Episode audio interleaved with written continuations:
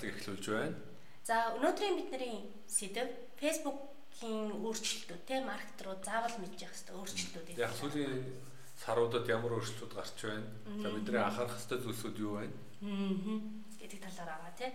За эхлээд ярих хэрэгтэй зүйл гэх юм бол энэ яг 18 онд гарсан өөрчлөлт одоо алгоритм өөрчилсөн. Гэхдээ одоо хүртэл энэ өөрчлөлт биднэрт ерөнхийдөө нөлөөлөд явж байна тийм.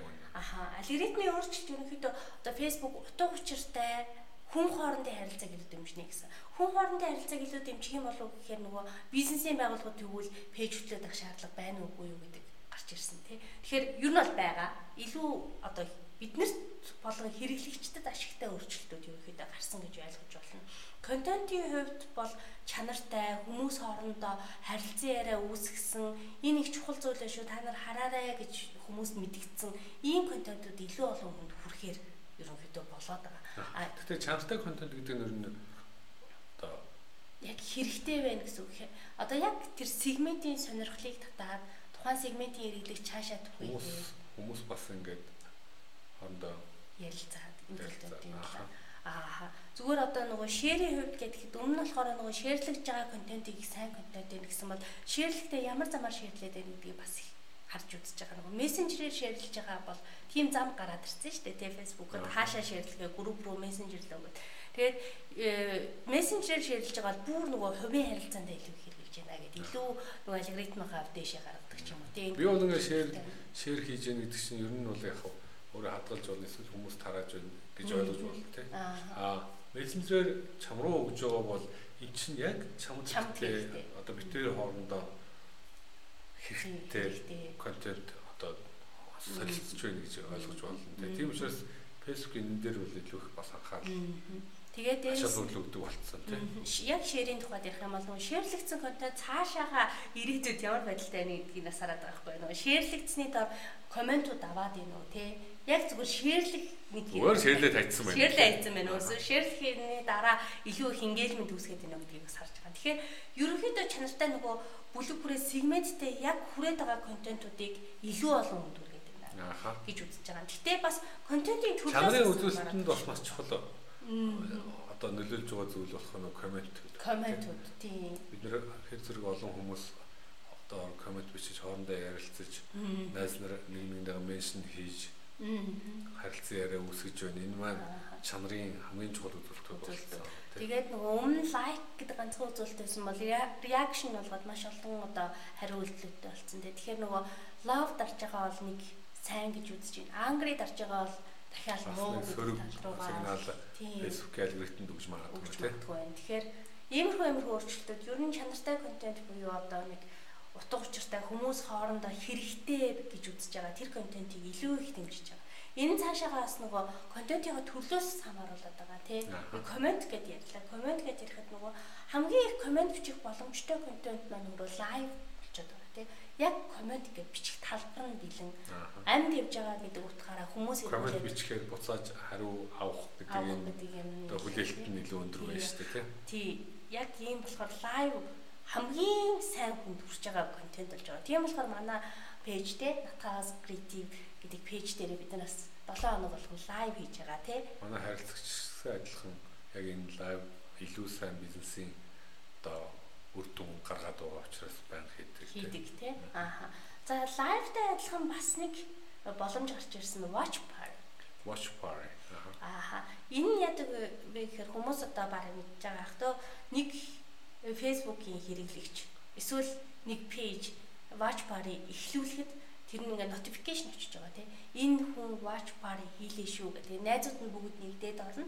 А яг live шиг харагдана харагдсан нь бол тий доороо доор нь юм коммент реакшн гэдэг хэсгүүд нь гараад ирдэг. Тэгээ хамтдаа нэг юм ярилцаад хамт үзэх юм боломж олгож байгаа. Тэгээ хост хийж байгаа хүн пауз дарах юм бол хост хийж байгаа хүн чинь паузлаа гэдэг юм уу тий. Яг нэг юм хамт кинотой тусгаж байгаа. Босоож байгаа хоорондоо юм яриад босоож үргэлжлүүлж болох юм. Эсвэл ухраах ухраах юм бол хамтдаа ухарч явах. Яг энэтэй нь одоо премьер гэдэг бас функц байна тий. Гэтэ тэр нэг хэрэглэдэггүй Тийм баг.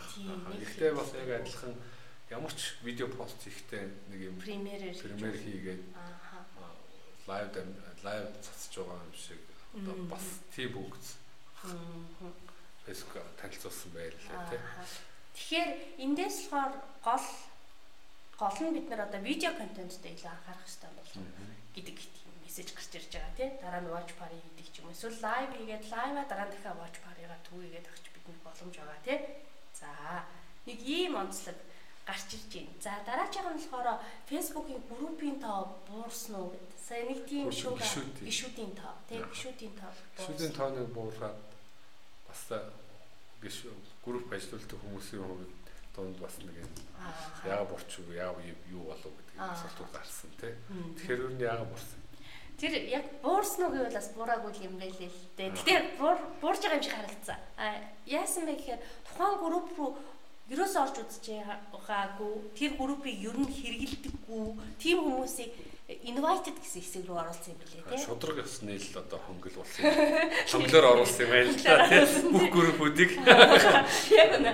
Тэгээд ингээд угаасаа энэ энэ нөхдүүд чинь зүгээр л чи өөрчлөсөн хүчээр нэвтсэн болохоос биш танай групп яг яг үндэ бодит гişүү биш л юм байна шүү дээ. Оролцоо юу ч байхгүй. Тийм учраас энэ шин зүгээр гişүүдийн тооноос ч хаслаа. Өргөцсөн гэдэг хэсэгт орууллаа шүү л гэсэн юм хийгдсэн юм байна тий. Тий. Гэхдээ админуудад нэг боломж байгаа. Reminder хийх. Нөгөө хүмүүстэй. Тий, нөгөө хүмүүстэй. За та ийм гişүүнд ийм группэд одоо өргөцсөн шүү орох юм уу яах юм. Сануулга илгээж болно гэсэн үг тийм. тэр сануулгыг гэхдээ бас тоотой илгээх байгаа тийм. Нэг хоёр удаагийн л хязгаартай байна тийм. хязгаартай байгаа тийм. За тэгэхээр ийм өөрчлөлт гарсан байна. Тэгээд нэг бас тийм бодлын бас яг бод группийн гишүүдийн бодит тоо одоо ингээд гарч байна л гэсэн үг тийм. гэтээ энэ нь одоо ингээд одоо маркетингийнхан болохоор энийг миний группийн гişүүдийн тоо буурчлаа гэдэг айгу сөрөг юм шиг хэмлэж байгаа. Гэхдээ яг үнэндээ бодит байдал дээр харахад тэр дээтергүй танаа руу орж үздэггүй тийм хэрэггүй тоогоор яах юм бэ тийм хэрэгтэй үндэл юм аяар л да тийм бодит гişүүд л одоо оролцоотой бодит гişүүд. Тийм. Одоо жишээлбэл ингээд банаах манай сошиал медиа гэдэг групп сошиал медиа маркетинг гэдэг групп байна тийм. Энэ группд сошиал медиа маркетингийн талаар хизээж уншдгүй хизээж энийг хэрэглэдэггүй хүмүүсээр манай сошиал медиа маркетинг яагаад талаар юу хийх юм бэ тийм тийм яг манай группээс 97 хүн билүү бас тоо буурсан байл хасагдсан байлээ. Тийм тэгэхээр бас нэг 97 хүнийг хүрээд оруулсан. Тэгээ нөгөө хүмүүс ямар ч оролцоо байхгүй тийм нөхдөд байсан байлээ. Тэднийг хассан байлээ шүү тий. За тэгэхээр группийн хувьд ингэсэн байна. Дараагийн нөгөө page quality гэсэн хэсэг гарч ирсэн байлээ те. Энэ болохоор одоо page quality гэдэг нь тухайн пэйж одоо Facebook-ийн дүрм журам хуулийг зөрчсөн те. Пэйжийн админуудад харагддаг. Page quality буюу пэйжийн чанартай холбоотой бас нэг юм мэдээлэл өгдөг хэсэг нэмэгдсэн байна тий. Энэ болохоор яг л тэр фэйсбүүкийн дүрм журам янз бүрийн юмыг зөрчөөд байгаа тий болохгүй юм хийгээд байгаа гэмт хэрэгүүлдэхийг завтаад байгаа тий. Ийм тохиолдлуудыг нь бүртгэж бид сануулдаг гэсэн юм. Энэ их байх юм бол магадгүй тэр бийж устж. Жишээлбэл одоо ямар юмнууд байдаг вэ? Одоо яа сурталчилгаан мурталчилгаан дээр болохгүй юм их. Одоо юуны оюуны өмчийн зөрчилтэй зүйлүүд их ашиглаж байна уу? Одоо жишээлбэл бид нэр хүний пост шууд хуулаад оруулсан байх юм бол Facebook тэрнийг мэдчихнэ.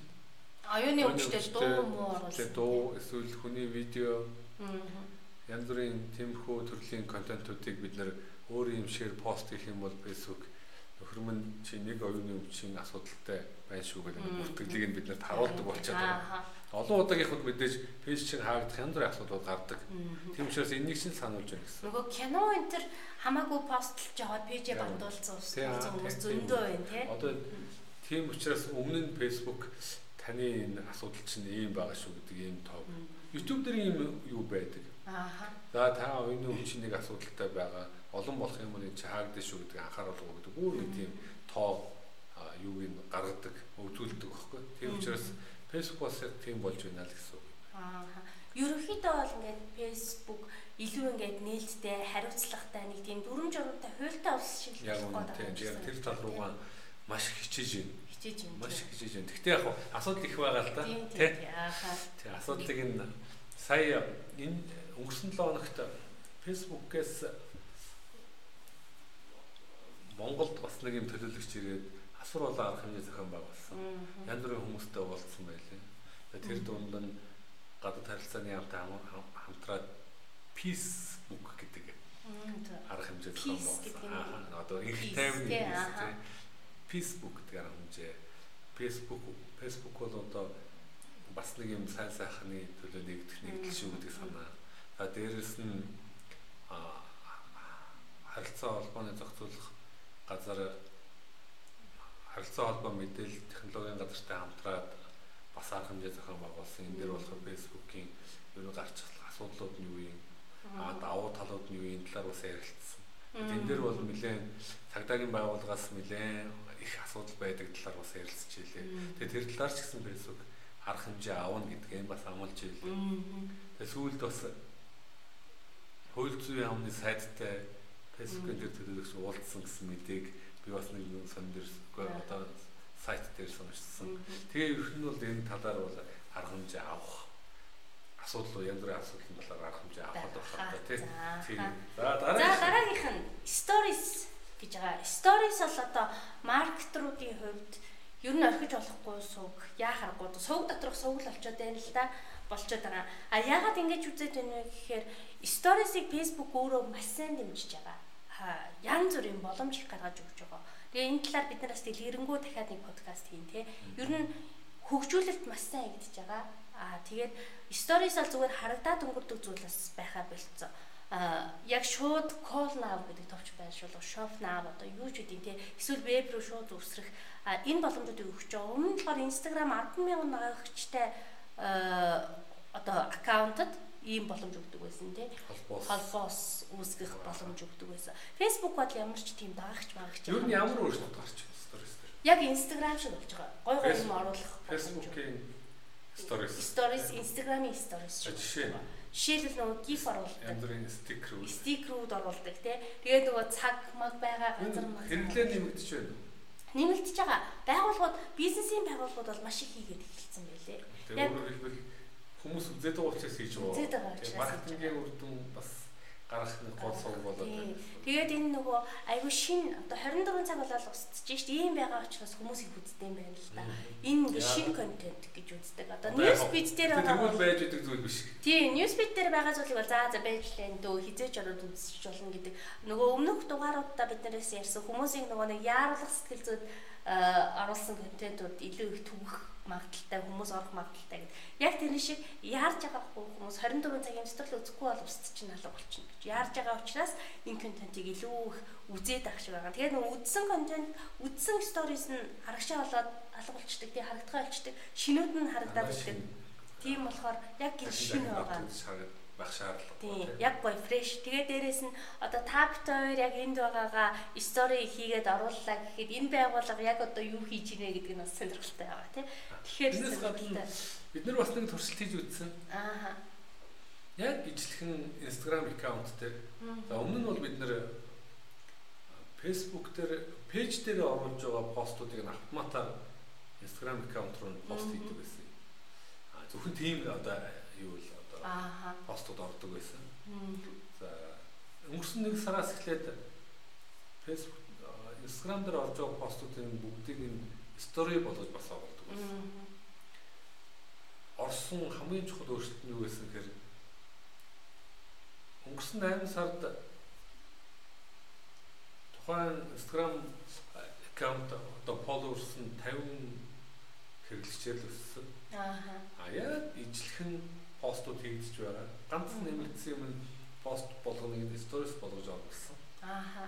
Өнгөрсөн 1 сард followers-ийн тоон 500-аар нэмэгдсэн. Ингээд 10 дахин. Тий.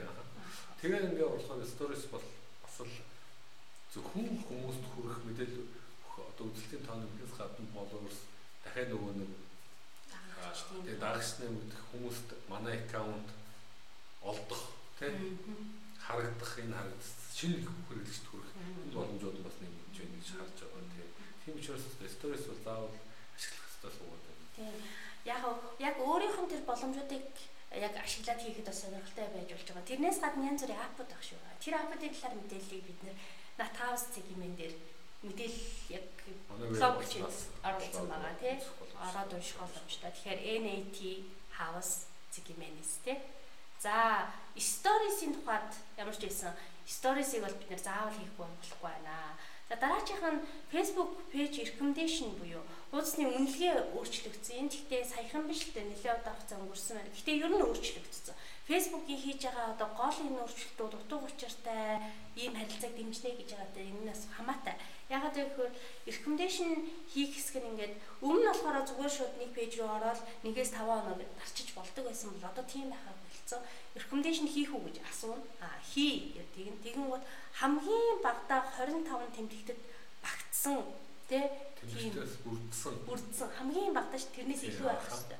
Тийм текст бичнэ. Хажуугаар нь бас зураг видео яагаад рекоменд хийхгүй байгаа эсвэл яагаад хийж байгааг тайлбарсан. Тайлбарсан. Тэгээ зураг аплод гэж байна. Тийм хүн сериосны хандж штэ тэрэн дээр үнэнгээсээ бүгэлж ийм л гэсэн. Одоо би Тийм бидтэй нэг байгуулга муулах гэж байгаа бол жинхнээсээ надад муулмаар санагдсан болоод тэрийг муулж байгаа гэсэн тий. Тэгээ тэрнийг тайлбарлах хэрэгтэй болж байна. Дээрээс нь баталгаажсан зураг оруулах хэрэгтэй болж байна тий. Хэрэгтэй болж байна. Бас ийм шодрогоос нийл. Нөгөө нэг яг үлээ шулмын хөндөй биш болох гэдэг шүү дээ тий. Тэгсэн байсан шүү дээ. Сошиал медиа шулмын хөндөй гэдэг. Тийм. Тийм биш. Илүү одоо бодит хэрэглэгчдийн бодит үнэлгээ орсон ийм л халбруулах гэдэг үлдээд байна. Аа.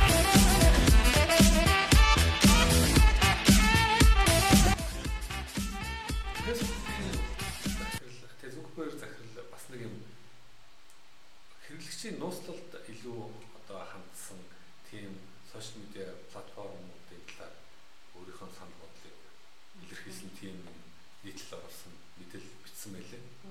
Тэн дээр нь юу байсан гэхээр ер нь сторис бол ирээ сошиал медиа маркетинг, сошиал медиа платформын ирээдүй шүү гэдэг. Тэр нь юу гэж нэхэр ер нь хүмүүс ямарваа нэгэн сэтгэл хөдлөсөн болоод хийсэн нэг пост нь тэр хүний ингээ насан туршид дагаж байнгын хадгалагдах тийм зүйл биш вэ зүгээр гэдэг. Яг би өөртөө гэж болно. Баярлсан, үнэлсэн ямар ч сэтгэлтэй гэж тэр үедээ хийсэн пост маань 24 цагаар болоод устдаг сторис байвал зүгээр гэсэн санаа авахгүй тий. Тэрнээс биш ингээд би нэг пост хийдэг. Тэр пост маань хизээч хайсан гарч ирдэг тийм байнгын байдаг юм пост биш л байх зүгээр гэдэг санаа. Тэр сторисыг бол энэ Facebook байнгын дэмжих юм байлээ. Одоо илүү сайн дэмжиж байгаа энэ хэлбэр нэгсэн. Тэ? Newsfeed бол яг уу Newsfeed Facebook тасар их асуудал дагуулдаг учраас бид нар дэмжихгүй шүү гэдэг. Тэгээ тийм ч stories. Дээрс нь видео пост, видео контент. Видео контентыг бол энэ тусман гаргах гэдэг шүү дээ. Watch гэдэг нэг. Тийм, тийм гаргацсан. Тэр watch дээр үзэж байдаг тийм хэсэг болох гэдэг тусман гаргах. Тийм учраас аль болох stories, видео постууд ирээдүйн одоо бидний заавал анхаарах ёстой. Тэгэд энэ дээр ашиг бүрдэл хийж хөрөнгө оруулалт хийх ёстой. Энэ нэг юм хэсэг болоод байгаа юм байна шүү. Тэгээ тэгээ дээр бас анхаараарай гэдэг иймэрхүү мэдээллийг тэр зүрхбэрэг захирлын бичсэн тэр нийтлээс бас харж болохоор байгаа байхгүй тий. За тэгэхээр ерөнхийдөө дүгнээд хэлэхэд Facebook бол илүү одоо тийм амьд харилцаа үүсгэсэн тий. Хариуцлагатай ёс зүйтэй тийм талбар тэр дээрээс нь бүр ингээл байнгын байдаг контент биш илүү богино хугацаатай сторис хэлбэр контент даван галсан тий. Иймэрхүү талбар болох гэдэг өөрчлөгдөх өөрчлөгдөж байна уу гэж Тийм. Тэгэхээр бид нар одоо story сайн хийнэ. Маркетингийн хувьд бас тэр хийж байгаа зүйлээ өөрчлөх хэрэгтэй. Өөрчлөх хэрэгтэй. Байнгын байдаг контентээс илүү stories-ыг э, сайн ойлгох хэрэгтэй яахан тийм. Тэгээ хамгийн гол нь яг зорилттой хэрэглэгчтэй бүсэн тэдний сонирхлыг татаж болохоор тийм тэдэнд хэрэгтэй контентууд бас сайн хийх хэрэгтэй болж эхэлж тийм. Тийм. Тэгээд видео. Ааха. Видео, видео лайв. Engagement. Engagement. Юм бол ааха. Нэг тийм харилцаа үүсгэх хэрэгтэй. Харилцаа харилцаанд нэг утга учиртай харилцаа. Дээрэс нь хэрэглэгчт нь тийм хариуцлагатай. Тэгээд дээрэс нь тийм пэйжүүдийн хувьд бол тэр бүх мэдээллийн илүү их нээлттэй болоод байгаа шүү дээ. Хэдэн удаа нэрээ сольж ирсэн. Тийм. Ямар пэйж хэдэн удаа пэйжд мэрч хийж нэгтгэж байсан. Хаанаас админууд нь тухайн пэйжийг үзэрдэж байж гэх юм тийм. Ингээд ийм мэдээлүүд ил болгоо Тэгэхээр тэр талаасаа илүү их анхаарал хандуулж байгаа. Тэгээ маркетингийнхан бас энэ дээр анхаарал хэрэгтэй байна. За ингээд өнөөдрийн подкаст өндөрлөж. За бүгд баярлалаа. Дараагийн